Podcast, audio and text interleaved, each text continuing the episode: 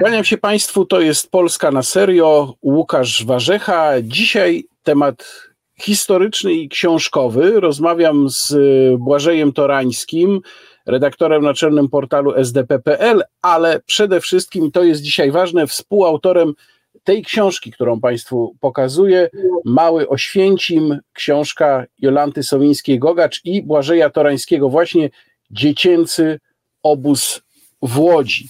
Dzień dobry, witam Państwa bardzo serdecznie, witam Pana. E, jak Pan ocenia znajomość tego tematu e, i w samej Łodzi, i w ogóle w Polsce? Dla wielu osób, to wiem, ta książka była szokiem. Nie dlatego, że znalazły w niej e, szokujące wspomnienia więźniów tego obozu, ale dlatego, że w ogóle nie zdawały sobie sprawy z tego, że taki obóz w Polsce istniał. Dla mnie y, propozycja, którą dostałem od redaktora wydawnictwa Pruszyński Michała Nalewskiego też była szokiem. Y, szokiem, dlatego że mieszkam w Łodzi 36 y, lat, a jeszcze 3 lata temu o tym obozie nie wiedziałem prawie nic. I właściwie spłonąłbym ze wstydu, bo jak pan wie, jak państwo wiecie, ci, którzy czytali książkę to jest miejsce zasługujące na takie upamiętnienie jak Biad Waszem w Izraelu. Y, tymczasem jest jedynie pomnik pękniętego serca, pomnik martyrologii dzieci, który nijak nie kojarzy się z obozem przy Przemysłowej, y, a zwłaszcza z jego bardzo taką urzędową nazwą prewencyjny obóz Policji Bezpieczeństwa dla Młodzieży y, Polskiej w Łodzi. Y, no i y, moja wiedza była piekielnie słaba. Żeby nie powiedzieć prawie zerowa.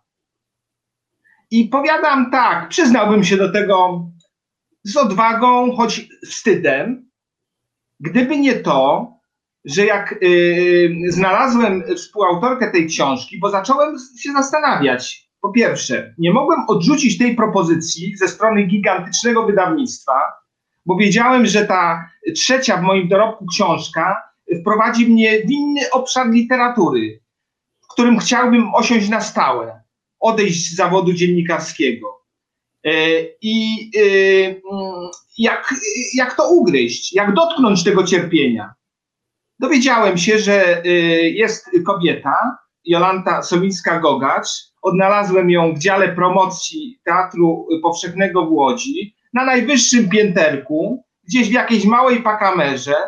Okazało się, że pani ta od 10 lat jeździ po Polsce, pokonuje setki kilometrów i nagrywa, nagrywa na różne nośniki, rejestruje wspomnienia byłych więźniów przy ulicy Przemysłowej.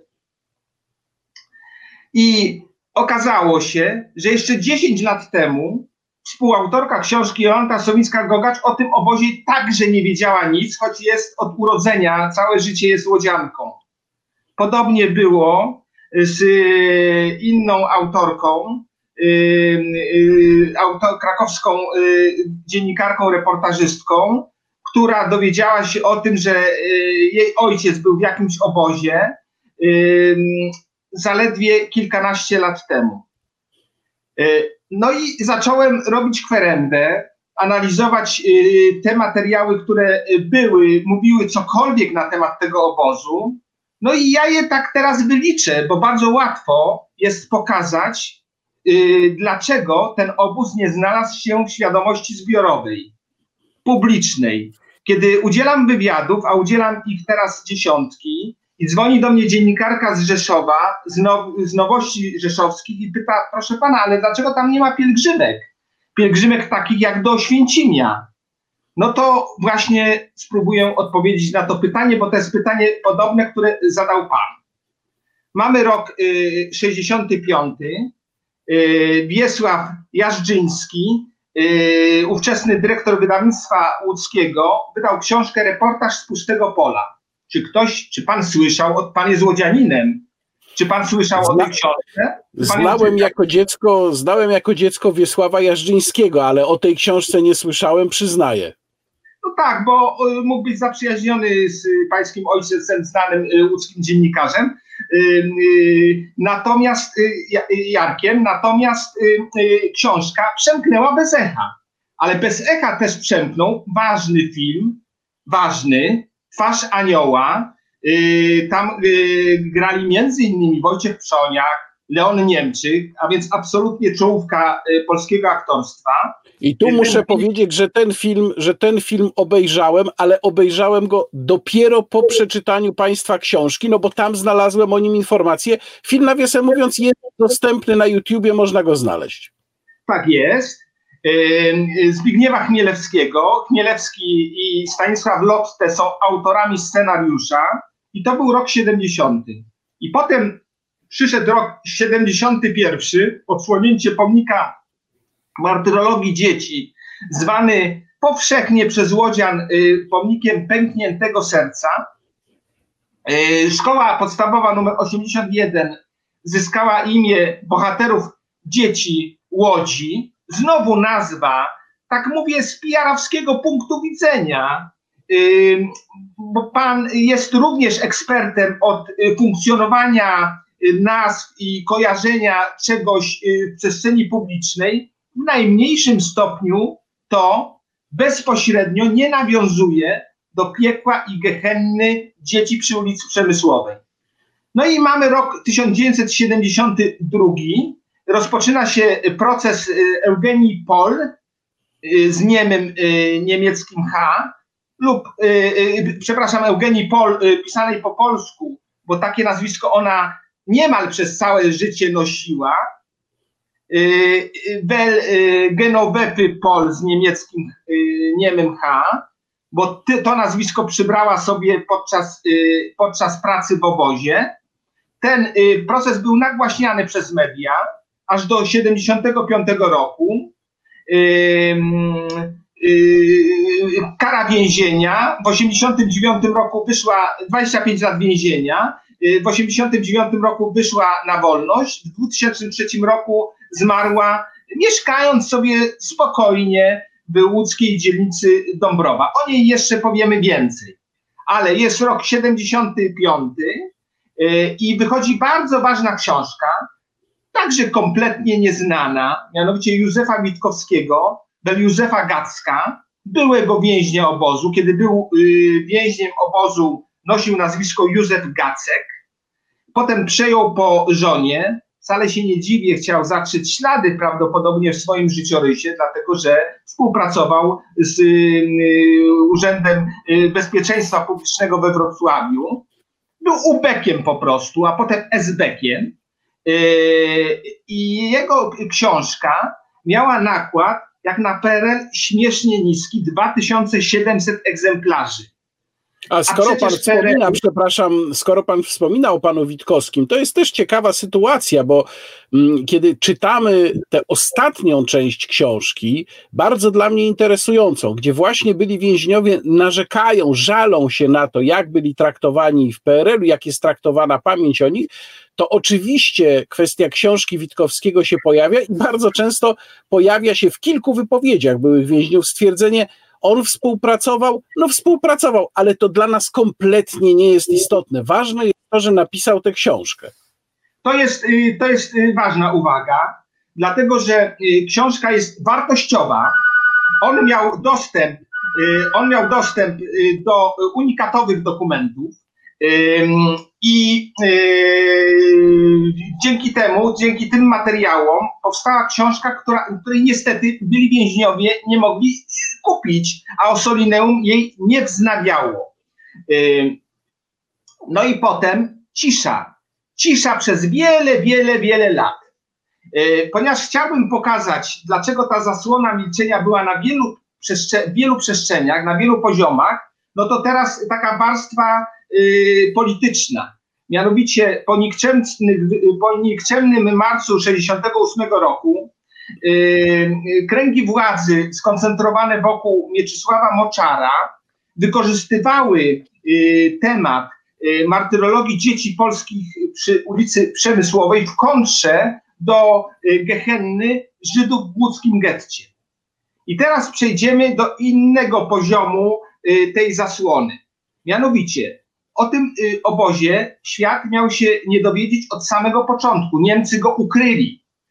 Na czym polegało to ukrycie? Otóż wyodrębnili z łódzkiego getta 5 hektarów i umiejscowili, lokalizacja tego obozu jest, była za, za płotem, bo tylko z jednej strony y, y, łączył się ten obóz z cmentarzem, y, ale tam był płot, ten mur był zbyt niski, więc podniesiono go do, wysokości 3 metrów.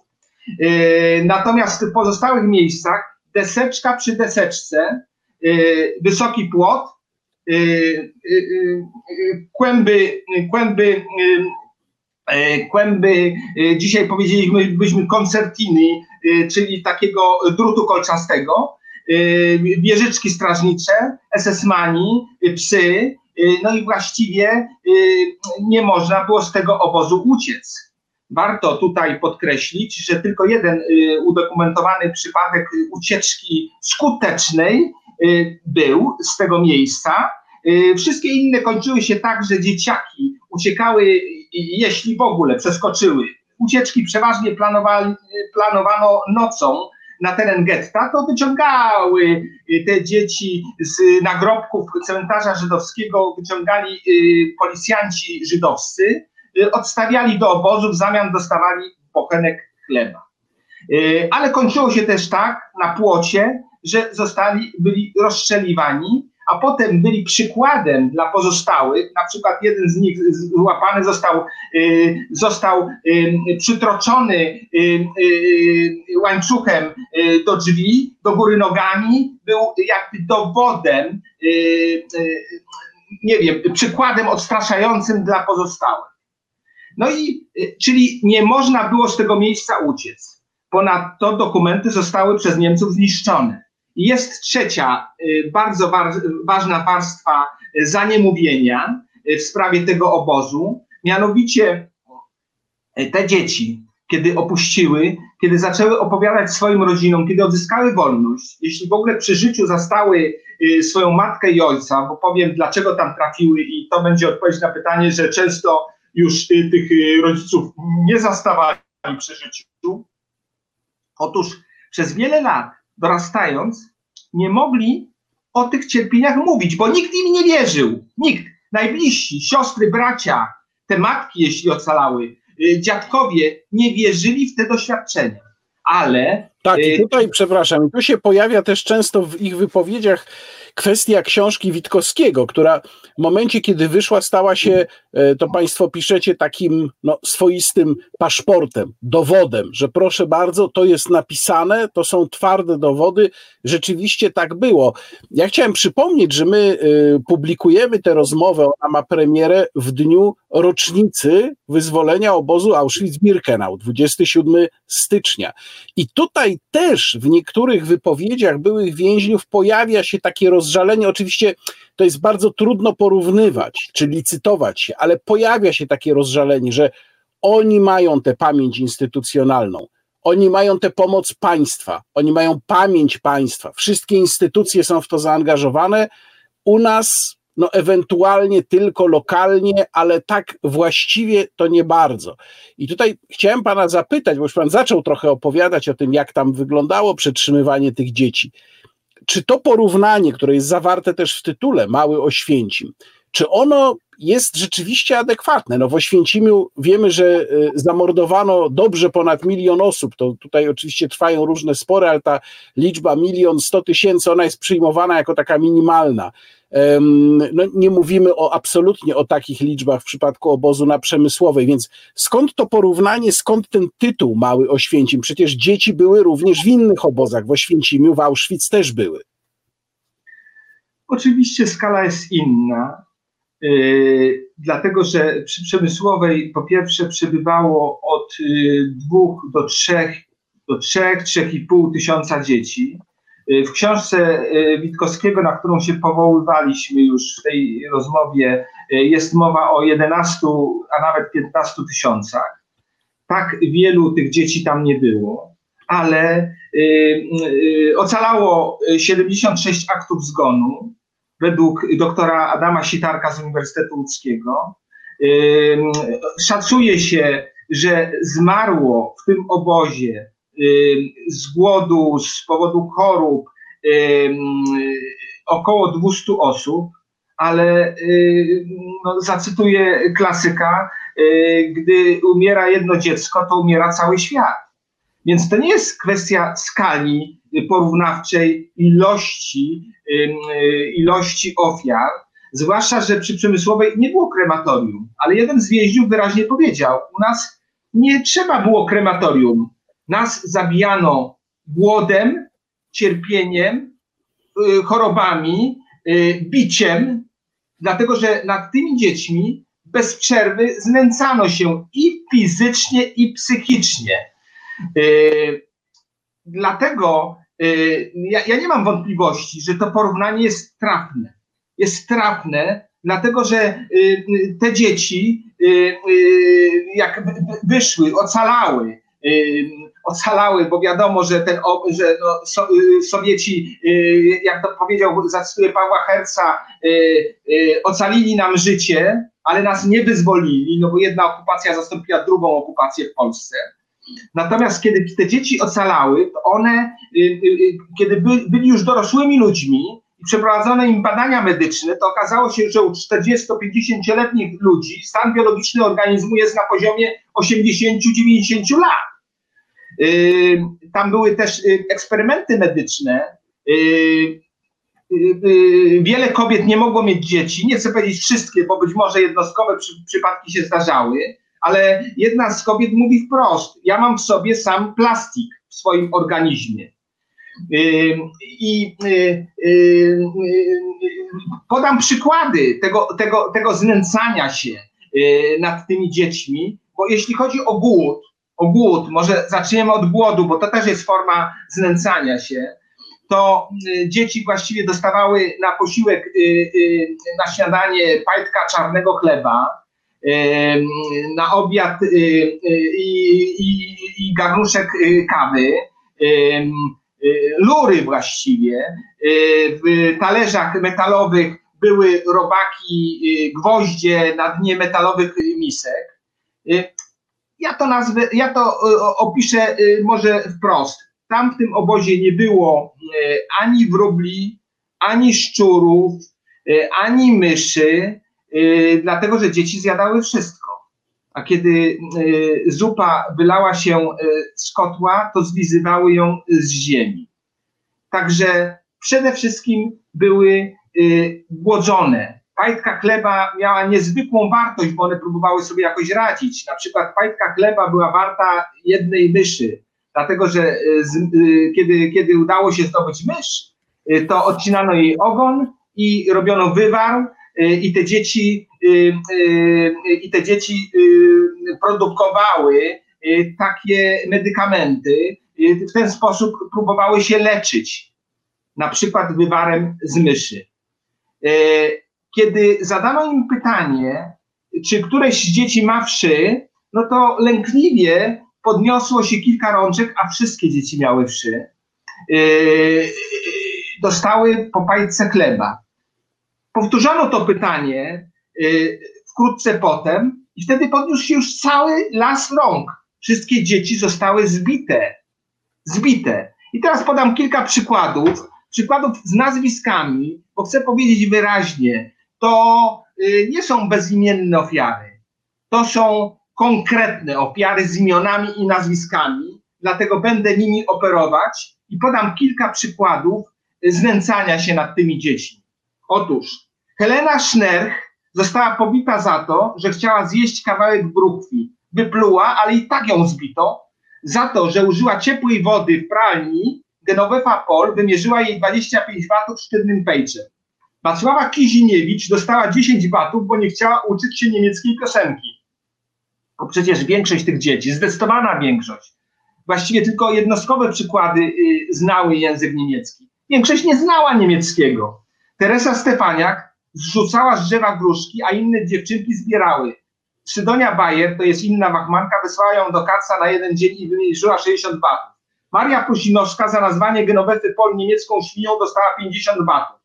12 batów dostała Augustyna Borowiec za podniesienie jabłka z ziemi. Za wzięcie z kuchni chleba pobito ją tak, że straciła przytomność. Ale to, co ja mówię, to są przykłady lekkiej, yy, powiedziałbym, no to nie powodowało jeszcze śmierci, a podam, podam znacznie gorsze przykłady. Otóż yy, Jan Woszczyk opowiada historię Józia, który stał w kolejce po jedzeniu. Genovefa Pol podeszła za plecy mojego kolegi, podniosła czterokilogramową cegłę i uderzyła go w głowę prosto w potylicę, krzycząc gin polska świnio. Kiedy upadł na ziemię, deptała go butami. To była masakra, zezna, zeznał przed sądem. Tak opisywał to pod, yy, pod przysięgą yy, były więzień Jan Woszczyk. Przykład innej, innego kolegi opisał tak. W tym przypadku chodziło o Józia, bo tamten jest bezimienny. Otóż kazali mu klęczeć i wypić wiadro kawy. Po kilku litrach posikał ubranie. Wtedy August kazał dolać do kawy zupę z robakami, ugotowaną na zgniłej brukwi. Do tej zupy dodał fusy z solą. August zamieszał ją miotłą, Bayer i Pol poganiały go, aby szybciej jadł. Essen, Essen, schnell, schnell, jeść, jeść, szybko, szybko. Popychali go, szydzili, jakby to było widowisko rozrywkowe. Widziałem, yy, ja czytałem te zeznania Jana Woszczyka, widziałem, jak rozdęty brzuch Józia puchł w oczach. Kilka godzin później niesiono go na drewnianych tragach, zmarł. To jest kolejny przykład.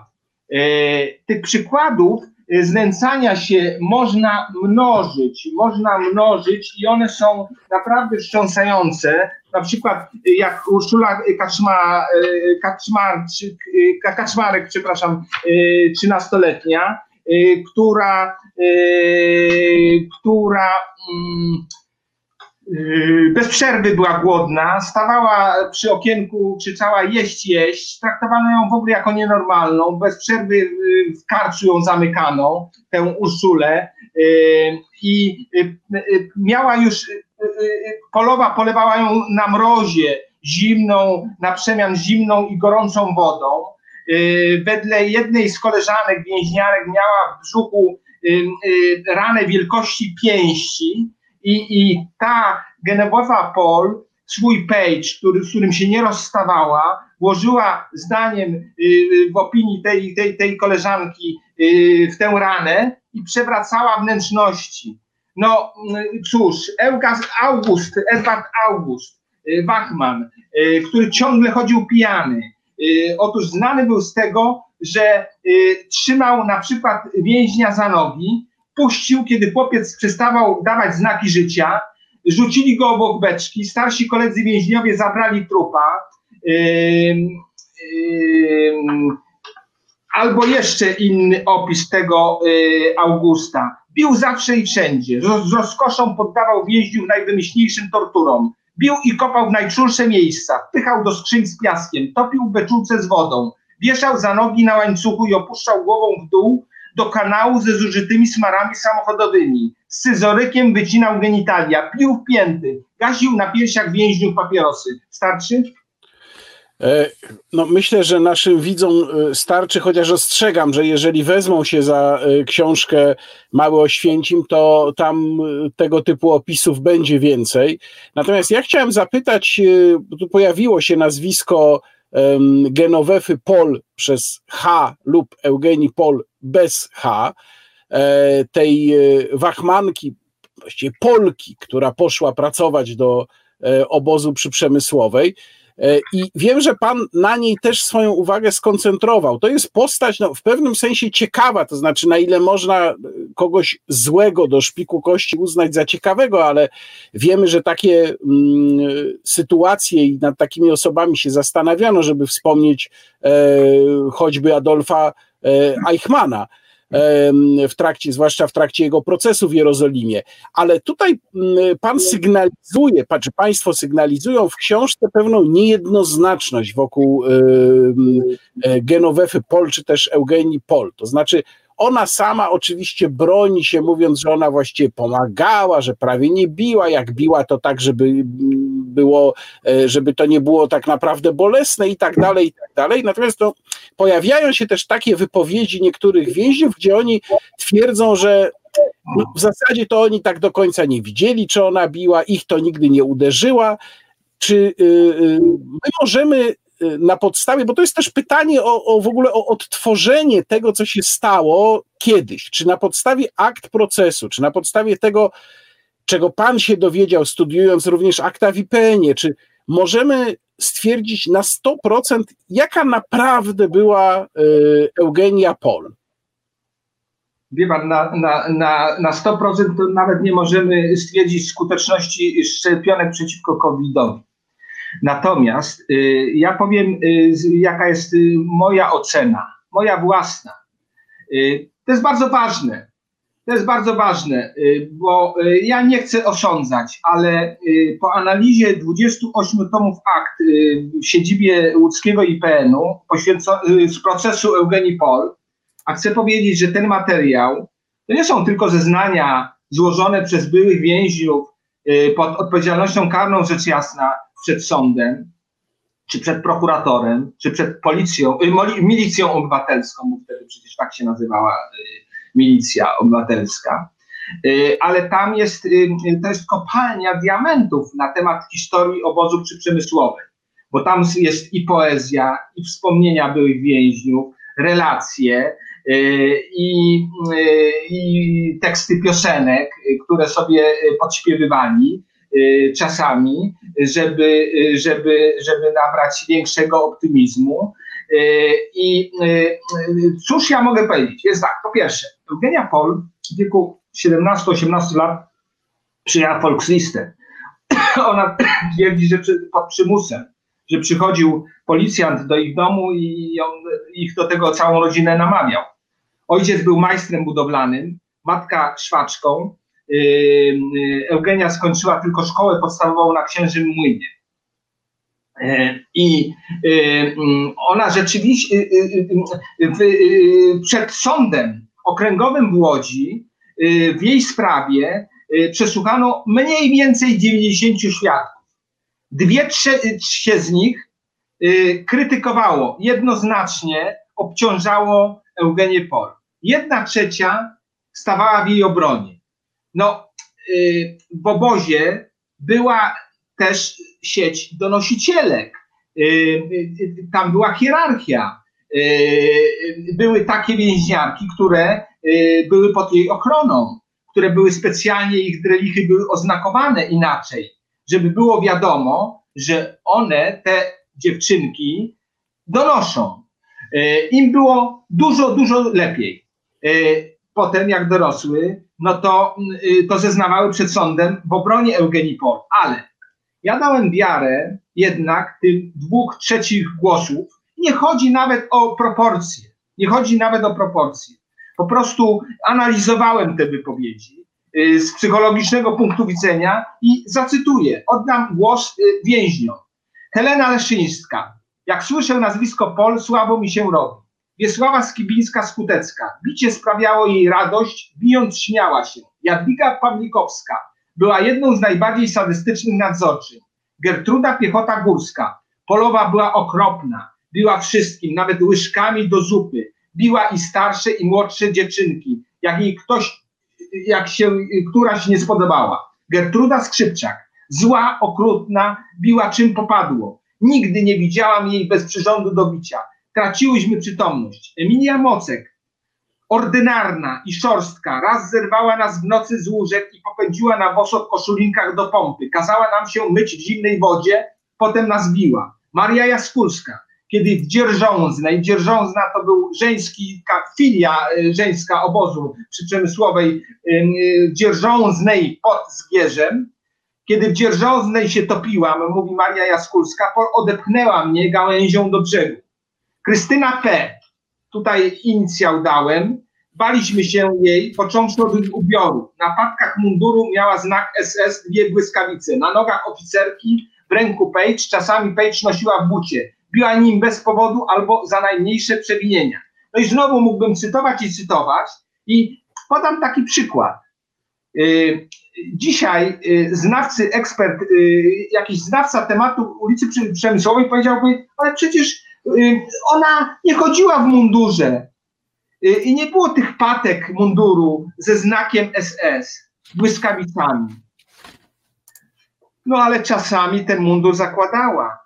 Owszem, wersja y, y, y, wydarzeń przy Przemysłowej przedstawiona, wizja artystyczna Zbigniewa Chmielewskiego przedstawiona w twarzy anioła nie pokrywa się w pełni z rzeczywistością, ale artyści mają prawo do skrótu, do metafory. Chcę powiedzieć, że nasza książka, chcę to powiedzieć bardzo wyraźnie, nie jest książką naukową. To nie jest książka obiektywna. Nie ma czegoś takiego jak obiektywizm. To jest zbiór subiektywnych głosów byłych więźniów, którzy jednoznacznie tę rzeczywistość oceniają, którzy krzyczą, bo ta książka ma y, chwycić za gardło, ma y, uderzyć w emocje, ma poruszyć najgłębsze struny y, w ludziach, bo celem tej książki, mogę to powiedzieć wyraźnie w imieniu współautorki, jest zmiana, y, wprowadzenie tego tematu obozu przyprzemysłowej do y, świadomości zbiorowej Polaków, ale też Europejczyków. Tam nie wystarczy, żeby tam był pomnik pękniętego serca.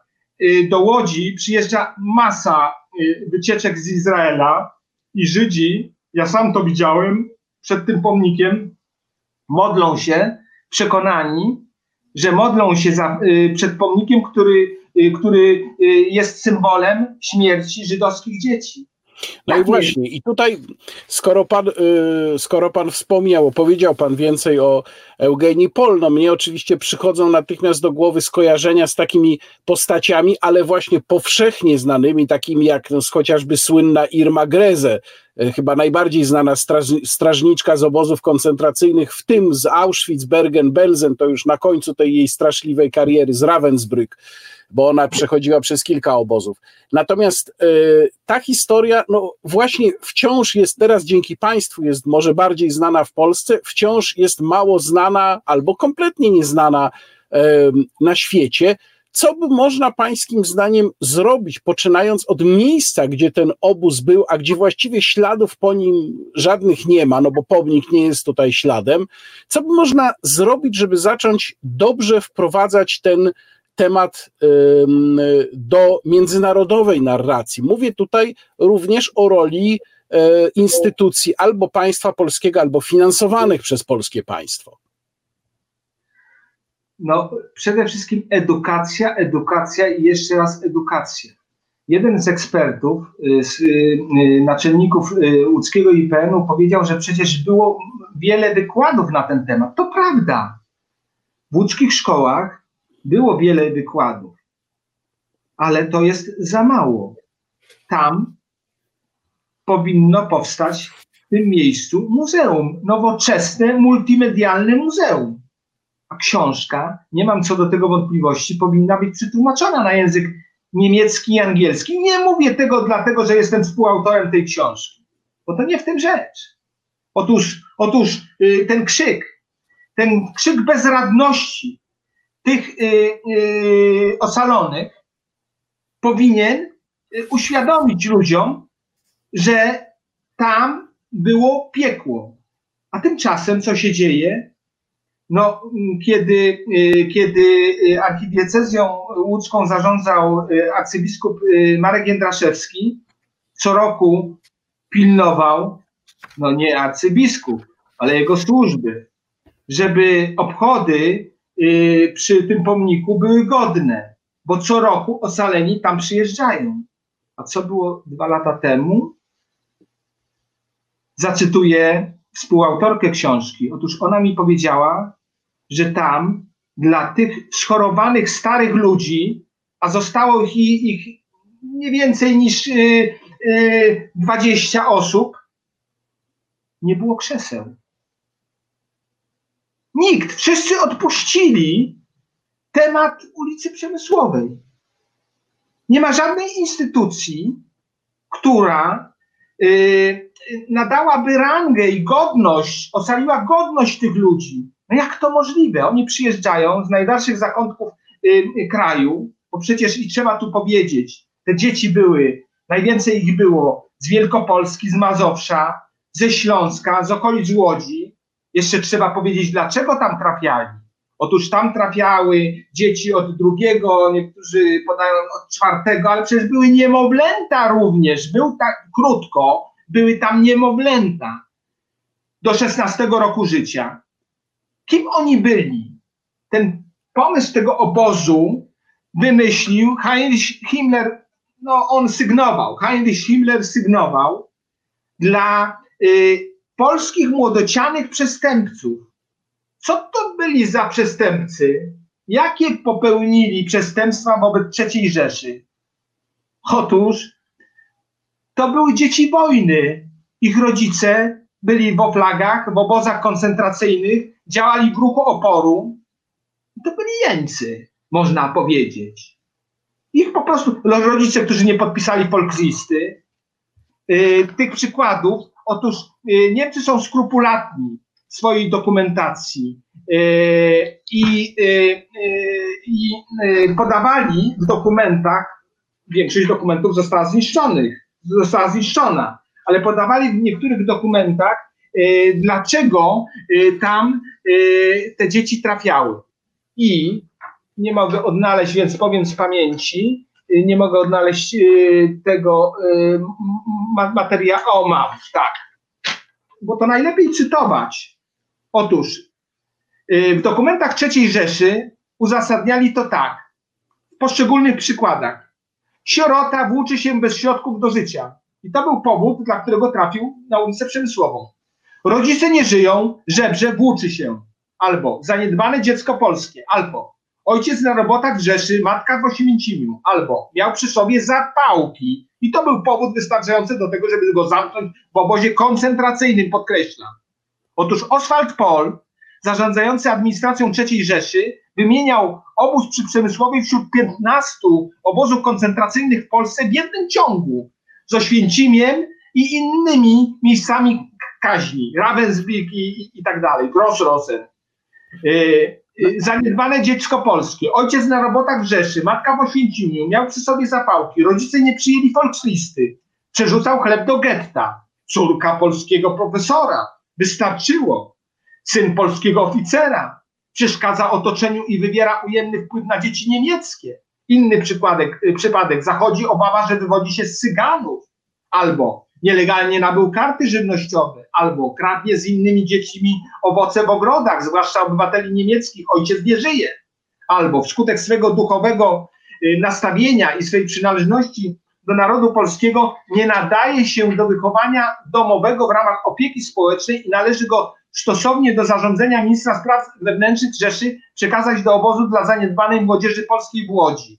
Albo żebrze włóczy się, żebrze starał się wzbudzić uczucie ludności, bo brak mu jednej ręki i nogi. Albo zarabia odnosząc walizki z dworca kolejego w Katowicach. Jest jeszcze jedno uzasadnienie. I to jest uzasadnienie dominujące. Proszę sobie wyobrazić, Niemcy napisali w to, doku, to w dokumentach jednego z dzieci. Dziecko polskie. Tak, tam były zamykane dzieci za polskość.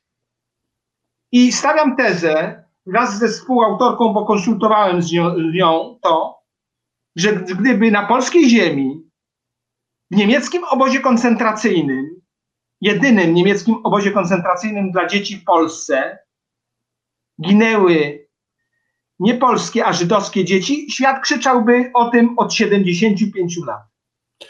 No i myślę, że to jest dobra konkluzja tej rozmowy. Pokazuję jeszcze raz y, książkę i bardzo ją Państwu polecam, a jednocześnie mam nadzieję, że ta rozmowa stanie się inspiracją dla tych, którzy odpowiadają za polską politykę historyczną, żeby temat obozu przy Przemysłowej w Łodzi potraktować poważnie, o co apeluję razem z moim rozmówcą, mam nadzieję, dzisiaj, czyli nieprzypadkowo, y, kiedy ta rozmowa się ukazuje w rocznicę wyzwolenia obozu Auschwitz-Birkenau. Pamiętajmy również o obozie dla dzieci przy Przemysłowej w Łodzi. Bardzo dziękuję. Moim gościem w programie Polska na serio był Błażej Torański, współautor książki Mały Oświęcim, dziecięcy obóz w Łodzi.